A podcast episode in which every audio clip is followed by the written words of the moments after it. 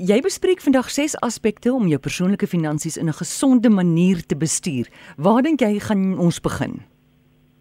Net so. Ek dink dit is belangrik, jy weet, ons is altyd by by PSG praat ons van die holistiese manier van bestuur en ons kyk na die dinge holisties. Maar ek dink ons delf gereeld genoeg in in presies wat holisties beteken nie. En dis hoekom ons hierdie ses aspekte bymekaar gesit het om dit so bietjie vir die luisteraars af te breek. Wat is die elemente wat ek nou moet gaan kyk om seker te maak ek is finansiëel gesond? Nou, die eerste wegspringplek is gewoonlik wat ons maar noem beleggings en spaargeld. En dis iets wat ons nou weer in drie subkategorieë kan gaan insit. Wat maak ek met noodfonds? Dis nou vir daai onvoorsiene gevalle. Dan 'n mediumtermyn wat ons as mediumtermyn sien so 5 jaar se spaargeld. Dis nou dalk daai lekker vakansie oor see of 'n uh, opknap in die kombuis of daai klas van ding wat gedoen moet word. En dan 'n bietjie langer termyn wat wat die slim manne sê dis geld wat jy beplan om nooit te gebruik nie. Nou dit kan dalk 'n bietjie snaaks op die oor klink, maar dis 'n ou se absolute langtermyn spaargeld. Dit is baie belangrik vir die elemente om die drie verskillende poele se voor- en nadele te verstaan. Om te gaan kyk of jy effektief die verskillende maniere van geld belê gebruik om natuurlik jou behoeftes na te kom. Maak dit sin?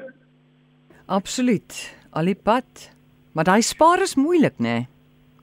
spaar is verseker moeilik. Ek dink die luisteraar se eerste gedagte as ek begin praat van drie verskillende hoope spaargeld is ek het nie eens genoeg spasie in my salaris vir die eerste hoop nie. Hoe sal ek dan nou plek hê vir drie? Nou, daar kan 'n ou gaan kyk om 'n ding wat tipiese mense se inkomste baie erg vreet. Wat keer natuurlik dat 'n ou genoegsaam kan spaar. Skuld. Mm. Daar net alles skuld is verseker nie sleg nie, maar 'n mens moet gaan kyk na wat jy aan skuld spandeer. Tipies korttermynskuld soos kredietkaarte en klere rekeninge is 'n ding wat 'n mens moet wortel en tak moet uitroei. Daai goed is te duur en dit vreet aan 'n mens se salaris tot op die punt waar jy daai skuld nodig het om te begin kruideniersware koop. En as 'n ou eers op daai ding vasgevang is, dan maak hy groot moeilikheid. So 'n goeie skuld, tipies huisskuld, uh dit maak sin want want daar's baie baie min mense in die wêreld wat huise kontant koop. Maar korttermynskuld soos kredietkaarte, klere rekeninge, die klas van ding moet 'n mens afwaarts bestuur en dan die grootste geheim daar is om nie weer nuus te maak nie, nee. Kyk, ek dink eh uh, uh, nee, skus gou. Die oomblik wanneer jy uh, die oomblik as jy 'n rekening opgemaak het vir klere, dan moet jy weet jy soek moeilikheid. Verseker, absoluut so. Want onthou wat sê ons essensieel as ons 'n rekening gaan oopmaak vir klere? Ek het nie die fondse om die klere te kan bekostig nie. So nou gaan doen ek dit op rekening.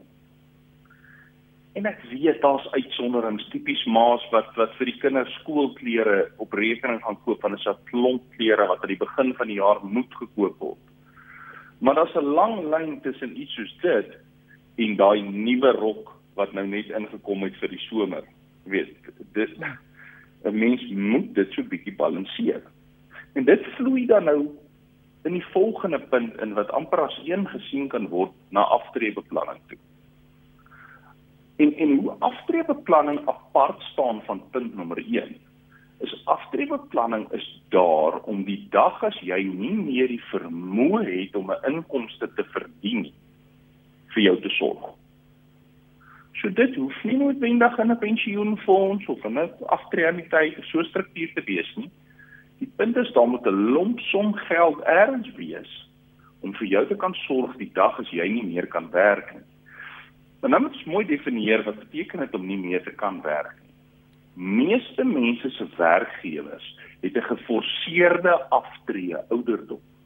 Tipies uh, 65. So, alhoewel jy dalk geestelik en fisies sterk genoeg is om te kan werk na 65, het jy dalk nie die geleentheid nie vanweë jou werkgewer se reëls. En om op 65 te begin werk soek is baie moontlik, maar nie altyd so maklik nie. So ek dink die belangrikste aspek wat 'n mens in ag moet neem van aftreebeplanning is dis 'n langtermyn proses.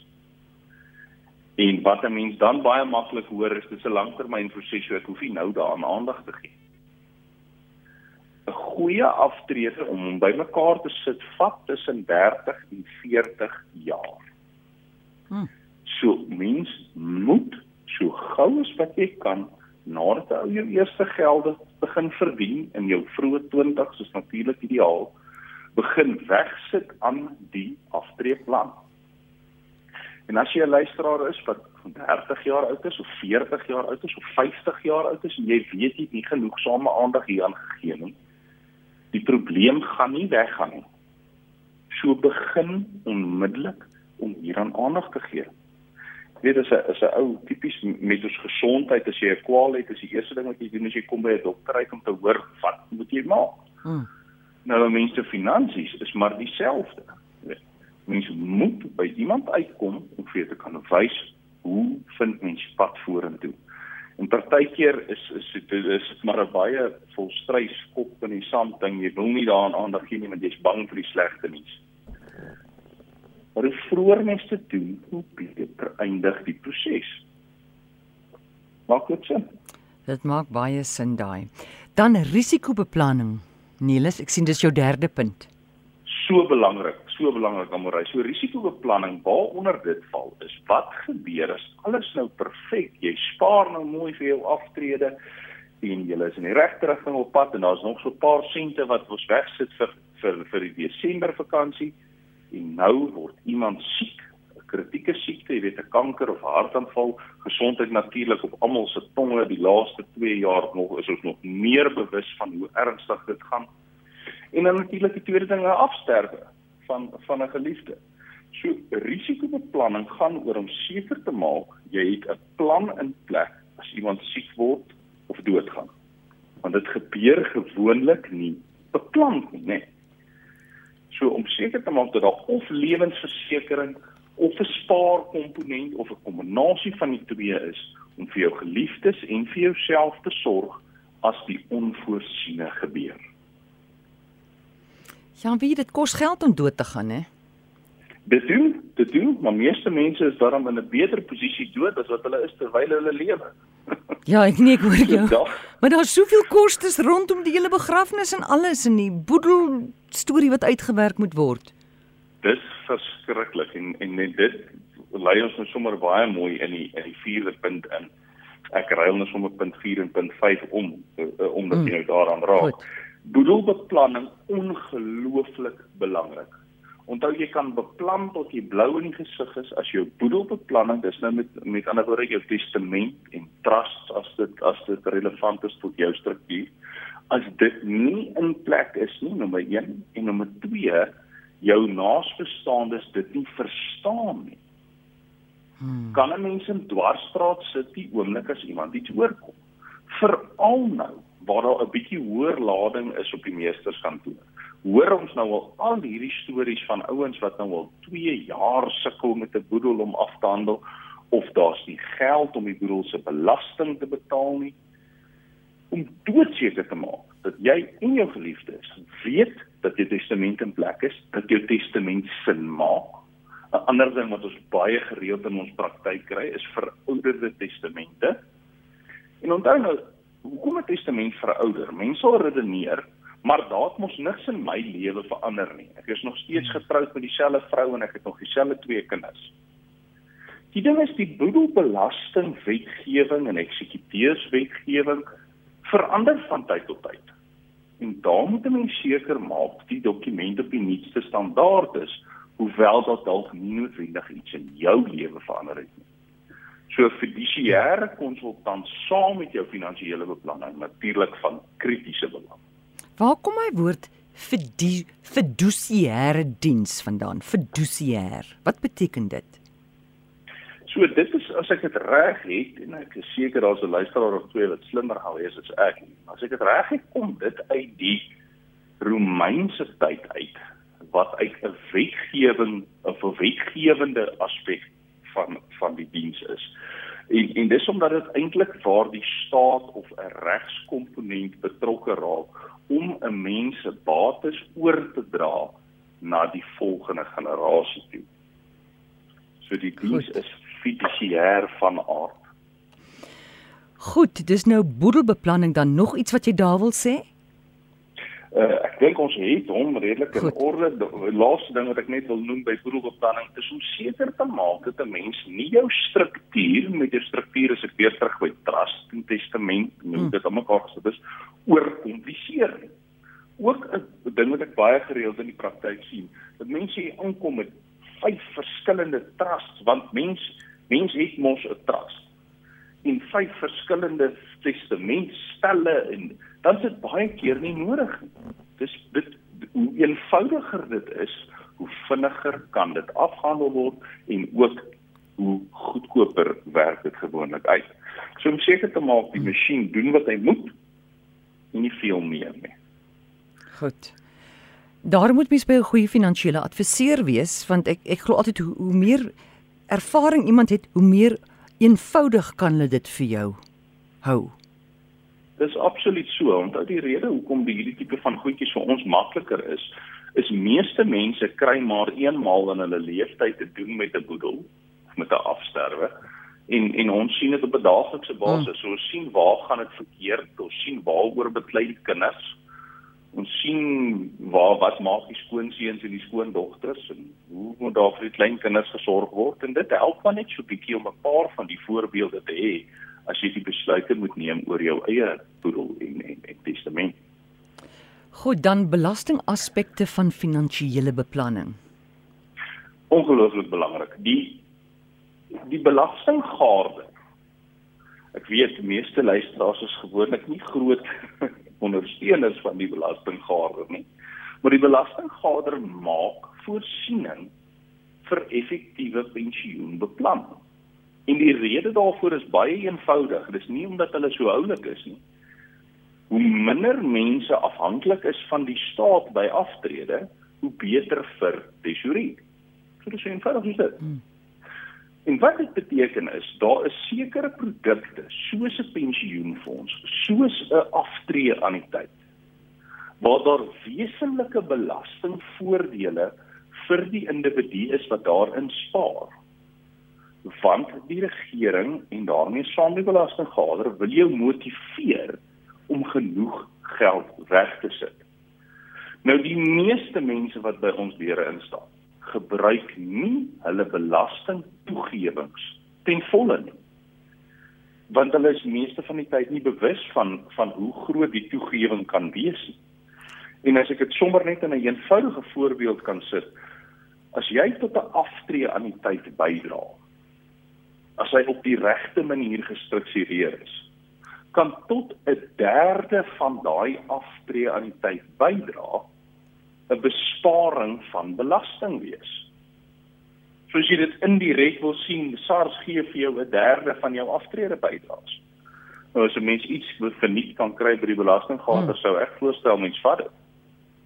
Absoluut. Goed. En dan natuurlik verdere belastingaspekte wat 'n mens moet in ag neem en dit val weer terug by die boedelbeplanning komponent. Is as jy effektiewe belasting en boedelbeplanning doen, betaal jy ook nie 'n groot som boedelbelasting nie. So daar is heeltemal gesonde wettige praktyke om 'n mens se belastingbetaling te minimeer. So wat sal 'n voorbeeld wees? Ja, skus gou nie. So, Gee ja, voorbeeld van ja, van effektiewe boedelbelastingbeplanning. Om mense boedelbelasting te, te effektief te bestuur is natuurlik iets wat ons baie van hou. Is daar is 'n vrye oorgif van bates tussen gades onder seksie 4 kie. So wat dit beteken is man na vrou, vrou na man tussen gades kan ons bates oorgee sonder om belasting daarop te betaal. So as jy testament sou lees dat by die dood van die eerste erf die langslewende alles, dan sal daar geen boedelbelasting betaalbaar wees by die dood van die eerste nie. So dis 'n manier om boedelbelasting te spaar. Nou dit rol oor na die langslewende toe.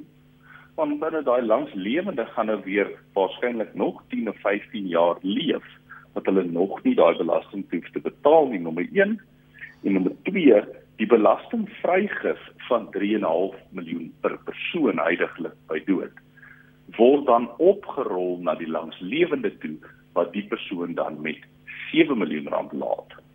So dis 'n substansiële manier om geld te spaar eerder as om vir SARS daai 20% te betaal. Goed. Gesondheidsorg of wil jy nog iets sê oor uh, belastingaspekte? Dink ons moet in daai gesondheidsorg induik. So ek dink weer eens in die laaste 2 jaar met die pandemie en alles daar rondom is is dit nou weer al hoe meer na vore gebring hoe belangrik gesondheidsorg is. En in Suid-Afrika spesifiek toegang tot private gesondheid. Dis nie iets in my opinie wat gaan weggaan nie, dis iets wat ons nodig het en dis iets wat maar soos wat die wêreld aanbeweeg al hoe duurder word. Goeie kwaliteit privaat gesondheidsorg. So dit word in Suid-Afrika maar meeste van die tyd betaal deur mate van 'n mediese fonds of mediese fonds versekering.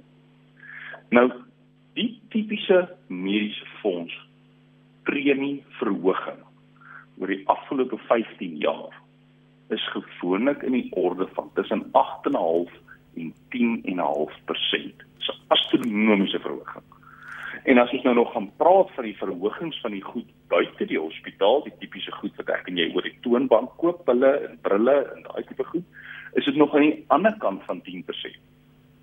So wat dit beteken is jou mediese uitgawes gaan hoogs waarskynlik jou grootste uitgawe per maand wees na aftrede. As 'n mens nie beplan daarvoor nie, gaan jy op 'n punt kom waar wanneer jy jou medies die nodigste het, jy dit nie kan bekostig nie. Die eenvoudige rede is die inflasie wat ons in die koerant lees heidaglik tussen 4,9 en 5,1%, maar jou mediese premie groei nader aan 10.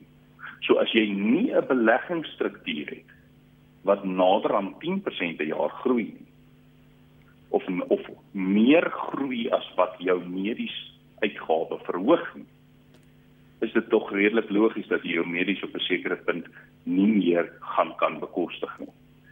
En die enigste manier wat 'n mens teen hierdie wolwe by die agterdeur veg is om aktief daarteen te beplan. Goed, uh Ek het hier 'n paar vrae van luisteraars. Ons het nog so 5 minute oor. Kan ek maar van daai vrae begin vra, Nelis? Asseblief. Goed. Ehm um, begin nou hierso. Diana vra: Hoe bepaal hulle 'n eksekuteursfooi? Baie goeie vraag, 'n vraag wat ons baie gereeld kry. Want daar word aan die een kant van jou vir jou gesê moenie jou kinders of jou vriend of iemand eksekuteer maar bestel iemand professioneel aan en dan word daar aan die ander kant vir jou gesê uh asseblief veg vir goedkoper fooie. Mm. Nou hoe dit werk, die norm waarmee jy wegspring, 3.5% van jou boedel is die gereguleerde fooi. Nou dis 3.5% plus BTW, so dit kom dan nou by 3.99 uit. Dis nog 'n redelike eh, bedragie geld om van jou boedel af te staan. Maar dit hang af hoe kompleks jou boedel is. En onthou jy gaan nie noodwendig vandag weet hoe jou boedel gaan lyk oor 10 jaar van nou af nie. So wat eksekuteurs vir jou betref, sou ek voorstel mens doen twee goed. Stel 'n professionele eksekuteur aan vir die eenvoudige rede hulle gaan dit vinniger gedoen kry as een van jou familielede en een van jou familielede mag in elk geval nie heeltemal op hulle eie optree tensy hulle nie 'n gekwalifiseerde eksekuteur is. Maar maak jou fooi vas tot 'n glyskaal. Dat jy daarom nie so hoef hom nie as hulle bereid is om natuurlik om presies vas te teken uitstekend, maar as jy jou fooi kan vasmaak om te sê as my boedel tussen hierdie en hierdie grootte is, betaal ek X en as hy bietjie groter is, betaal ek Y dat jy daarom net seker maak jy kry die afslag wat jou toekom. En dan wil Louise weet wat van mediese versekerings? in plaas van mediese fonds. So mediese versekerings is 'n wonderlike alternatief net vir die luisteraars wat dit nie heeltemal uh, uh, presies verstaan nie. Mediese versekerings natuurlik word op 'n korttermyn lisensie uitgewerk en hy betaal 'n kontant bedrag uit sou jy 'n mediese tekortkoming hê. So hy betaal nie die hospitaal soos wat 'n mediese hmm. fonds sou maak nie saak waar die rekening gaan nie.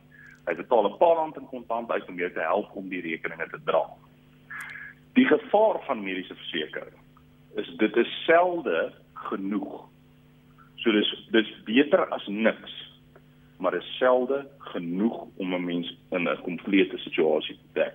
Dit hang maar alles af wat is die aard van jou mediese onkoste. 'n Motorongeluk, een van die grootste rekeninge wat ek nog gesien het, is 'n motorongeluk 'n pasiënt gewees wat binne bestek van 3 maande 'n 3 miljoen rand rekening opgehaal het. Sjoe. So ideaal is medies. Niels, uh, wat is die verskil tussen 'n gap dekking of gap cover soos ons dit ken en mediese versekerings? Goed, so gapversekering of of gapingsversekering is daar presies wat die naam sê om die gaping te dek tussen wat jou medies betaal en wat die dokter vra. So die eenvoudigste oh. voorbeeld daarvan is as jy in die hospitaal is, jou mediese plan dek argument tot halwe tot op 200% van mediese tariewe en die narkotiseer wat gebruik word in jou operasie vra 300% dan is daar mos nou skielik 'n gaping tussen wat medies betaal en wat jy moet betaal en dis waarvoor gap cover of gapingsdekking daar is. Waar mediese versekerings staan heeltemal op sy eie. Goed, Nelis, laastens, ons het so 2 minute oor om terug te kom na hierdie ses aspekte van jou. Wat moet ek doen dat ek dit dat dit vir my moontlik is om hierdie ses aspekte te te doen of te dek? Natuurlik. So die eerste ding wat jy moet gaan doen is jy gaan sit en jy skryf jou doelwitte uit want my en jou doelwitte lyk dalk nie noodwendig dieselfde nie.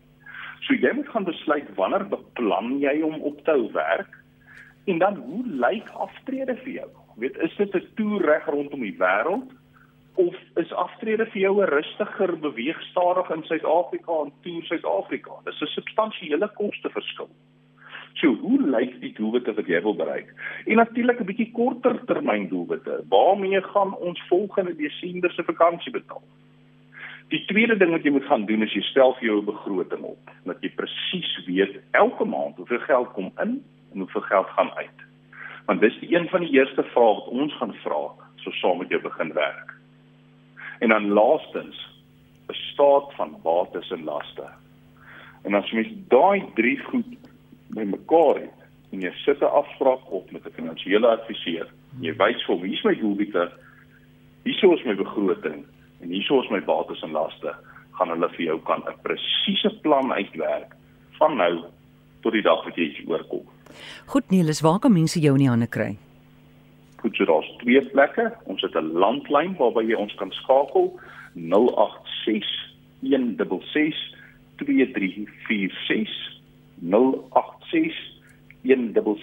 2346 en dan is daar ook natuurlik 'n e-posadres wealthroot21@psg.co.za net weer daai in wealthroot21@psg.co.za